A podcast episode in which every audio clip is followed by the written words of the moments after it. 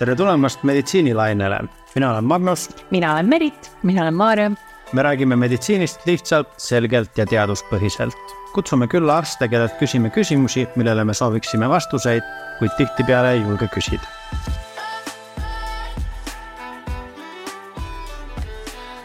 hüppame taas meditsiinilainele ja täna räägime kroonilisest nohust koos meie külalise Oliver Laidroga, tere Oliver. tere. tere minu poolt ka sa oled, Oliver, kõrva-nina-kurguhaiguste arst, on nii? Äh, jaa, et ma lõpetasin residentuuri aastal kaks tuhat kakskümmend kaks. ja nüüd ma olen töötanud umbes poolteist aastat kõrva-nina-kurguarstina. mul on siin kohe esimesena selline küsimus, millest mina ei saa mitte midagi aru, see, siin on kirjas, et kes on LOR või KNK? jah, LOR tähendab siis äh, otorinolaringoloogi ehk siis kõrva-nina-kurguarsti ja Otto tähendab siis kõrva, Rino nina ja Laryngo tähendab siis kõri. nii et see on minu ametinimi lihtsalt ja. ühendatuna, et oleks kergem tavainimesel öelda. ja see KNK ongi siis kõrva-nina-kurgu. jah, kõrva-nina-kurgu, just. hästi. me räägime kroonilisest nohust, mida see üldse tähendab?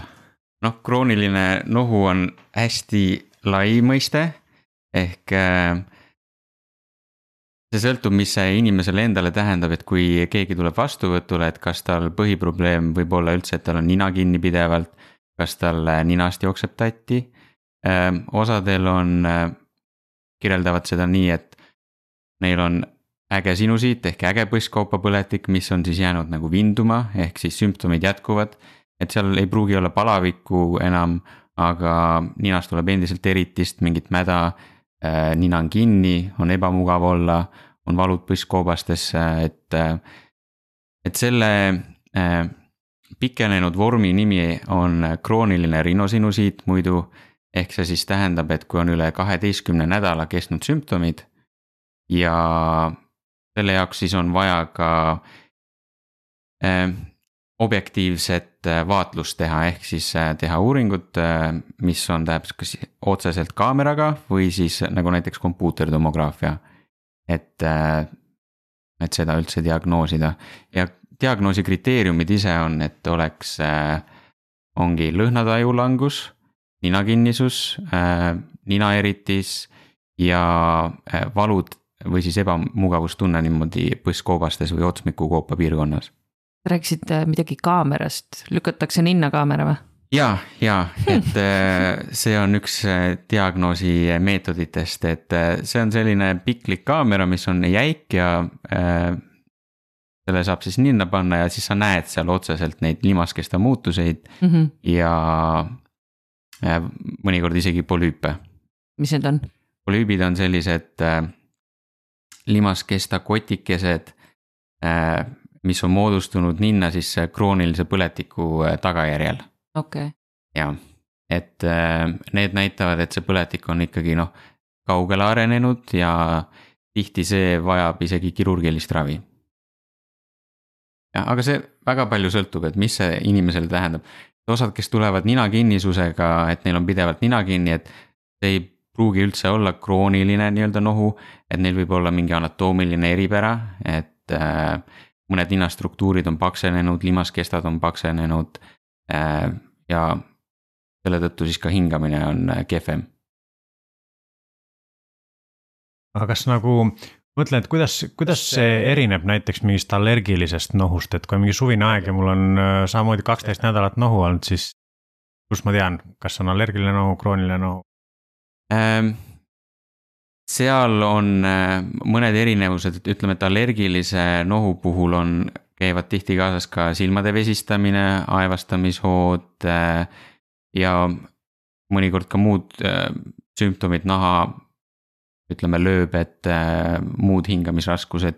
Mm, -hmm. et krooniline rinosinusiit jätkub ikkagi sõltumata hooajast pikalt ja ta ei ole seotud nii-öelda otsese allergeeniga üldiselt. et äh, allergilise nohu puhul, kui sa võtad selle allergeeni ehk siis äh, ütleme, kas selle õietolmu või muud äh, osakesed sealt välja, et siis see olukord koheselt paraneb ära. ja need ravimid on ka teistsugused, et ütleme, allergilise nohu puhul kasutatakse antihistamiinikume, mis ongi siis nii-öelda allergiavastased otseselt ravimid. Et neid saab võtta nii suu kaudu kui ka ninna pihustades näiteks mm. -hmm. jah, aga ka allergilise nohu puhul võivad ninas toimuda anatoomilised muutused. ehk siis samamoodi see limaskest võib näiteks vaheseina pealt, nina vaheseina pealt või siis äh, nina muude struktuuride pealt nii palju pakseneda, et see otseselt takistab hingamist ka siis, kui see allergeen on, ehk see õietolm on eemaldatud sealt äh, ära. siis see võtab nagu aega, et see limaskest ära paraneks, aga ka see võib olla siis nii-öelda pikalt ja pikalt aga millised asjad seda kroonilist äh, nohu põhjustavad, kas ma saan ise seda kuidagi ette, kuidagi ära hoida? Ehm, ütleme, et need mehhanismid, mille tõttu krooniline rinos, rinosinusiit otseselt tekib, on äh, komplekssed, et seda saab võrrelda nagu näiteks astmaga. et inimesed, kellel on astma, on ka suurem tõenäosus, et neil on krooniline rinosinusiit ja ka vastupidi. et äh, see limaskest on siis muutunud reaktiivsusega ehk ta ei vasta enam äh, keskkonna stiimulitele normaalselt. et seal on äh, krooniline põletik sees. Äh, see ei ole otseselt bakteriaalne põletik. Ei ole otseselt allergeenide poolt põhjustatud, aga korduvad infektsioonid võivad olla selle nii-öelda vallandajaks või alustavaks faktoriks Äh, läbipõetud infektsioonid, noh, läbi terve elu. ja ka mingid anatoomilised muutused äh, ninas, mis võivad seda põhjustada. aga kuidas seda kroonilist nohu siis äh, üldse ravitakse, ma saan aru, et krooniline tähendab seda, et see ei kaogi kuskile ära, mida teha saab? Ehm, jaa, ehm, krooniline rinosinusiit ise haigusena ehm, võib ära kaduda, kui ta ei ole selline vorm, mis haarab kõiki su ninaõõsi ja mille puhul on ka polüübid. et kui sul ei ole sellist vormi, siis ta võib olla ravitav. Need polüübid olid? Polüübid olid need kotikesed ah,, sellised limaskesta kotikesed, et äh, mis on hästi sellised äh, lima ja vedeliku rohked. näevad sellised kolla, kollakad, sellised läbipaistvad välja osadel inimestel need on kasvanud enne vastuvõtule tulekut nii suureks, et need ripuvad juba kas kurgust välja. et suhu vaadates sa näed, kuidas need ninast alla kurku ripuvad või siis juba hakkavad ninast välja tulema. ehk nina on nagu täielikult äh, ära pakitud nende polüüpide poolt. et äh, ja mõned inimesed ongi öelnud, et nad ei ole suutnud kaks-kolm aastat nagu nina kaudu hingata. et kui on selline vorm, siis see on ikkagi püsiv, aga kui see haigus hõlmab äh, ühte osa äh, paranasaalsiinustest ehk siis koobastest, mis inimesel ninas on. nina on tegelikult seest hästi suur ja lai, et äh, mõnikord lihtsalt anatoomiline kitsus on nii väikene, et sealt ei pääse lima ja sekreet välja, sinna lisandub bakteriaalne põletik ja see ei taha ära paraneda enam, sest et need anatoomilised avavused on nii kitsad et äh, normaalne funktsioon äh, ei toimi enam. ja siis need on tihti kirurgiliselt kergesti ravitavad. et see vorm on äh, väga kergelt ravitav, et teed väikse operatsiooni, laiendad need avavused ära ja pärast seda peaks tegelikult probleem korras olema.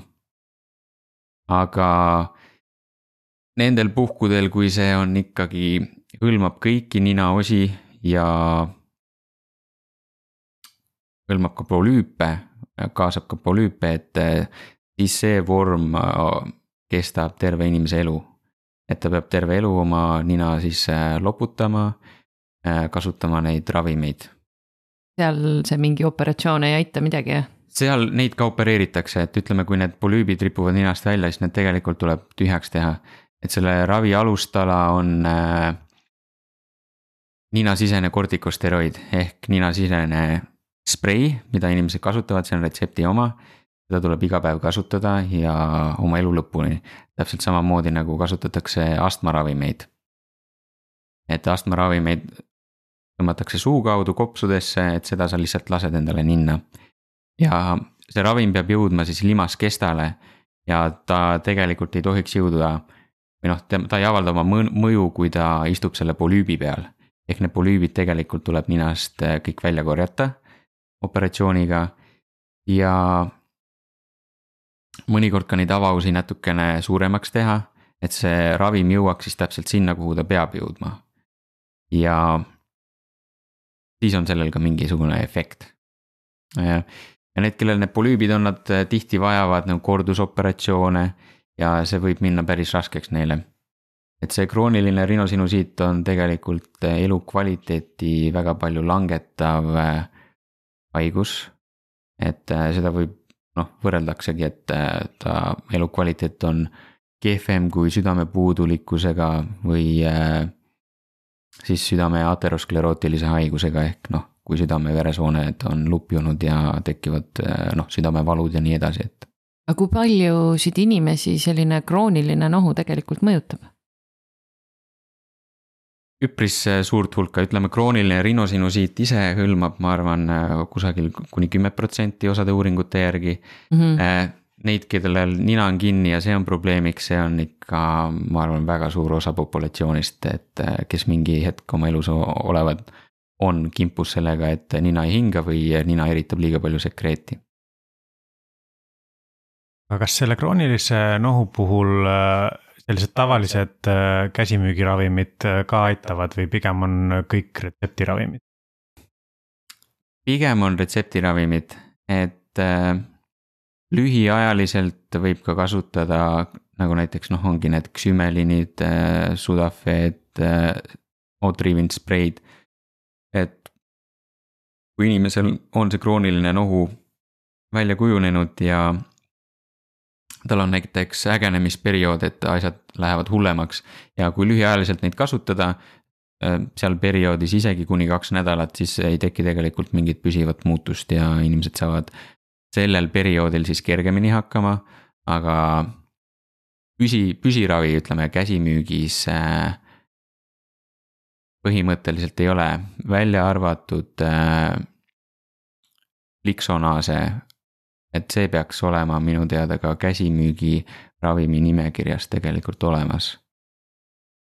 no see on ka ilmselt selline asi, et saab apteekrilt nõu küsida, eks ole. ja, ja, aga noh, tihti siis inimesed ei teagi, et kui kaua nad peavad seda kasutama mm., et äh, missugune on nende allseisev haigus, et kas nad peaksid seda terve elu kasutama, kas nad peaksid seda mingi aeg kasutama ja noh, see vastus on jah, väga erinev, sõltuvalt sellest äh, haigusest lisaks nendele ravimitele sa enne mainisid nina loputamist, kas on nagu ka mingeid selliseid võtteid veel lisaks?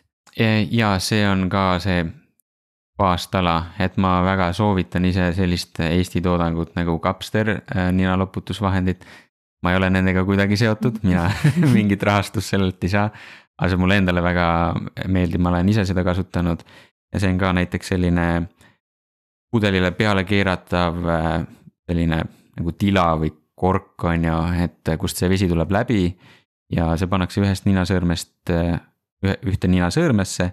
ja siis äh, kallutatakse ettepoole ja lastakse nina, ninast vett ühest sõõrmest sisse ja teisest sõõrmest välja.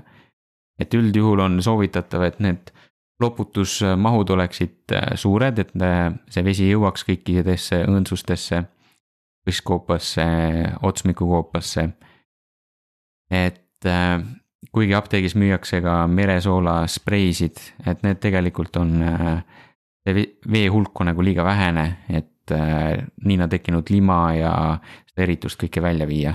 ta võib korraks anda mõndadele inimesele mingi leevenduse mm, -hmm. aga tegelikult pikas perspektiivis on äh, suuremahulised loputused on paremad. et siis võiks ikkagi poole liitri korraga, poole liitri veega korraga loputada. aga kui ma mõtlen, et ma olen tavaline mitte ninahädadega kimpus inimene. kas mina võiks ka teha sellist ninaloputust aeg-ajalt lihtsalt nagu või, või kuidas see nagu tava on? ütleme, et ega ta otseselt halba ei tee ja mm. ta on äh, odav lahendus, et äh, aga kui sul ei ole mingeid ninahädasid, siis ma otseselt ei näe põhjust, et miks sa peaksid tegema mm. -hmm. et see su äh, elu tõenäoliselt ei paranda kuidagi, et kui sul endal mingeid probleeme ei ole juba ninas sa ütlesid, et odav lahendus, aga kui mõtleme sellist kroonilist haigust ja et sul on pikaaegne mingi ravim, mida sa sööd, siis kas selle kroonilise nohu ravimine, kas see on kallis? ei, üldjuhul ei ole, et haigekassa soodustus on ka olemas ja et äh, eks nad ole seal kusagil viiekümne, viie kuni kümne euro juures äh, ostes. et ta ei maksa väga palju. üks äh, ravim küll on veits kallim, Tümista, mis hõlmab endas nii antihistamiinikumi kui ka kortikosteroidi. ehk siis seda otsese, otsest allergia osa sealt ja siis ka seda kortikosteroidi, mis on hormoon. ehk siis mõlemat, see on seal kusagil kakskümmend neli eurot peaks olema. et see on veidi kallim, aga osadele inimestele ta aitab paremini. Mõnikord see on võib-olla ka platseebo efekt, et ta maksab rohkem, siis inimestele tundub, et see aitab paremini, aga jah. mul tuli veel meelde sellest, et no allergia teemast, et, et kas siis, kui sul on krooniline nohu diagnoositud, siis kas ikkagi võib olla nii, et suvel tuleb sul veel lisaks mingi allergiline teema peale? ma ei saanud küsimusest nüüd aru äh, e-, ehk siis, et sul on see nagu äh, krooniline nohu ümber aasta.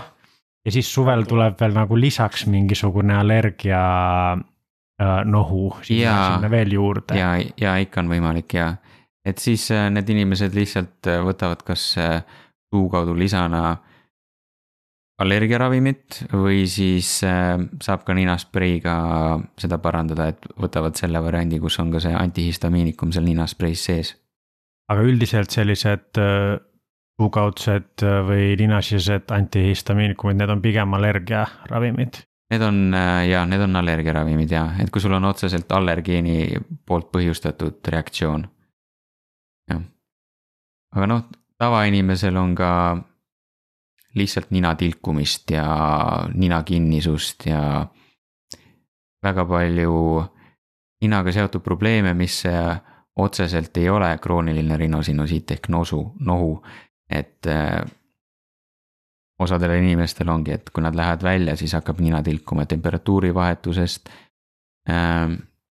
kuiv, külm vürtsikad toidud, et mida iganes, et aga see ongi tihti normaalne reaktsioon äh, meie ninas, et nina hakkabki voolama nende ärritite peale. seda kroonilist äh, nohu võiks hakata kahtlustama siis, kui see on nagu pikaaegsem jah, et ta võiks äh, kesta ikkagi üle kaheteist nädala ja seal võiks olla juhtivalt, et sul on kas nina kinni ja, või sealt tuleb limasmädast eritist, et need on nagu need põhilised asjad. et äh, mille puhul äh, tasub tähele panna ja minna abi otsima. ja ma abi lähen otsima kõigepealt perearsti juurde ja perearst suunab edasi või kuidas see käib? Jah, see sõltub, kui hästi perearst seda teemat valdab, et mm -hmm. kui kui perearstil on ikkagi kahtlus, et see võiks olla krooniline rinosinusiit, siis ta võiks edasi suunata mm. -hmm. et äh, siis me saame teha ka omad uuringud, ehk siis kas kaameraga vaadata või teha siis äh, kompuutertomograafia. mis näitab, mis seisus need äh, nina kõrvalurked on ja panna selle nii-öelda baasi paika, alustada ravi ja kutsuda patsient tagasi kontrolli, et vaadata, et kuidas temal on läinud, ütleme siis kõigepealt konservatiivse raviga ehk siis ninaspreidega, lop-, ninaloputustega ja kui sellel efekti ikkagi ei ole, et siis osad inimesed vajavad operatsiooni ka. mul on siin selline pikk keeruline sõna jälle, vaatame, kas tuleb välja glükokortikosteroidid. jaa. mis asjad need on ja kas neid tohib kasutada? Äh, need ongi need ninaspreid, millest ma rääkinud ah, olen okay., et äh, see ninasisene glükokortikosteroid ongi selle ravi üks äh, baasidest. Äh, ehk ta vähendab äh, immuunvastust. ninas on niikuinii tekkinud vale immuunvastus ja me ei taha, et see seal oleks. ehk siis me tahame seda alla suruda. ja see on see, mida see ravim teeb. Aga kas nendest, nende kasutamisest võib ka tekkida selline ravimnohu? äh,. ravimnohu üldiselt tekib nendest, äh, mis on käsimüügi omad äh,. ehk siis Otrivin, Sudafed ninaspreid, kus on see toimeaine on külometasoliin üldiselt või oksümetasoliin. ehk siis need, mis teevad nina kohe plaksti lahti ja annavad kohese kergenduse, et nendest tekib sõltuvus. Ja osad inimesed kasutavad neid aastaid ja aastaid ja neil on väga raske nendest lahti saada. et noh, üldjuhul hakatakse neid kasutama pärast äh, mingit äh, viirusinfektsiooni aegselt ja jäädaksegi kasutama see on nagu viga, et tegelikult äh, üle viie päeva neid ägeda nohu puhul ei tohiks kasutada. et kui see läheb üle viie päeva, siis nendest ongi aina raskem lahti saada. Et kui sellega tullakse vastuvõtule, siis esimene asi on tegelikult, et see ninasprei siis ära lõpetada. võõrutusravi jah? võõrutusravi ja üldjuhul see on raske, et inimesele peab tegelikult selgitama, et äh, see võtabki natukene aega, et nina hakkaks uuesti hingama ja nad peavadki leppima natuke aega sellega, et see nina võibki olla kinni kogu aeg. mõned nädalad kasvõi ja ta, et ta ei saa selle kaudu väga hästi hingata. No üldjuhul me proovime selleks üleminekuperioodiks siis äh, kirjutada suu kaudu võetava limaskestade turset vähendava ravimi, nagu näiteks Sudafeedi tabletid, mis on üks käsimüügiravimitest. või siis Cirrus, mis on äh, retseptiravim, mis on natukene tugev, tugevam kui äh, Sudafed. et äh, nad võtavad seda suu kaudu, see aitab ka kaasa sellele, et limaskestade turset oleks vähem. ja nina selleks perioodiks siis harjub nagu rohkem ära, et inimesel on natuke kergem ja üldjuhul me kirjutame ka selleks ajaks need ninasisesed glükokortikosteroidid. et siis nad kasutavad neid ka. aga kas nendel äh, glükokortikosteroididel, kas neil on mingisuguseid kõrvaltoimeid ka? jah, eks äh, nad võivad osadel inimestel põhjustada ninakuivust äh, või ninaverejookse, aga tänapäeval seostatakse neid ninaverejookse rohkem sellega vale kasutusega. Ehk siis äh, selle ravimi otsaga minnakse vastu ninavahe seina, see hõõrutakse katki ja siis selle tõttu hakkavad need ninaverejooksud. et äh, jah, üldjuhul on ikkagi selle, selle, sellel põhjusel, et suuri süsteemseid kõrvaltoimeid neil ei ole, nad ei imendu väga hästi kuhugi vereringesse ja kui imenduvad, need mikro, need osa, need äh, kontsentratsioonid on mikroskoopilised, et ta, nad üldiselt ei põhjusta mitte midagi rääkisid natukene ka sellest, äh, nendest polüüpide tühjendamistest äh, kirurgiliselt. Kas on mingisuguseid muid kirurgilisi sekkumisi ka või see on see põhiline? lastel on ikka, et lastel põhjustab väga tihti, hoiab üleval seda põletikku siis adenoid. et kui lastel see adenoid ära lõigata, et kusagil seal viiskümmend, kuuskümmend protsenti leiavad siis leevendust oma sümptomitele ja no osad inimesed kasutavad ka loputamist äh, siis äh, otsesel punktsioonimeetodil ehk siis vanamoodne põskkoobaste loputamine. Aga see ei ole tegelikult enam tänapäeval näidustatud, et, äh, et see suur operatsioon on pigem see, mis võiks leevenduse tuua. Hästi, mina olen vähemalt saanud targemaks jälle. Kas sul tuleb meelde veel mõni teema või asi, millest sa tahaksid rääkida või soovitada inimestele sel teemal? põhiliselt peakski vältima pikaaegselt neid äh, käsimüügiravimeid, et ei tekiks sõltuvust. Äh, lisaks inimesed võiks vaadata omaenda elu, elukoha üle ja et kuidas nad magavad või äh, kui kõrge on nende temperatuur magamistoas mida kuivem ja kuumem õhk, seda kehvem on ka inimesel nina kaudu hingata. ehk äh, talveperioodil tuleb aina rohkem inimesi vastuvõttudele, kellel äh, on ninakinnisus probleemiks. suvel need üldiselt kaovad ära ja kusagil kütteperioodil hakkavad uuesti. et äh, ma tihti soovitan inimestele, et kui nende nina seest on muidu enam-vähem korras, aga neil on probleem just, et öösel läheb nina kinni et siis ma soovitan äh, näiteks akna lahti teha ööseks, et see temperatuur oleks madalam, magamistoas võiks ka siis seda radika temperatuuri madalamaks panna. ja kasvõi õhuniisuti võtta magamistuppa, et see õhk oleks natuke niiskem. et see inimeste limaskestade vastus ja paksenemine on hästi individuaalne. ja osadel ei pruugi olla üldse mingeid probleeme kuumas ja kuivas nagu magamisel, aga tegelikult enamustel läheb see veits kehvemaks. ja hästi tavaline on ka veel ninatsükkel, ehk siis, et üks pool ninast läheb kinni, teine pool on lahti mm -hmm. ja see mhm. vaheldub umbes tavaolukorras iga nelja tunni tagant. või siis ka sõltuvalt sellest, et kummale poolele inimene pikali heidab. et äh, sellele poolele, kummale inimene pikali heidab, see läheb aina rohkem kinni. ja pikali olles üldiselt inimesel on rohkem ninakinnisust, sest et äh, see veri läheb kõik pähe, äh, limaskestadele jõuab rohkem verd ja need lähevad tursesse ja nina lähebki kinni. Et see on hästi tavaline. aga suur aitäh sulle, Oliver. ja, aga palun. aitäh sulle aitäh, et oled meiega meditsiinilainel. leiad meid ka Instagramist ning postkasti ootame küsimusi ja tagasisidet. kohtumiseni järgmisel lainel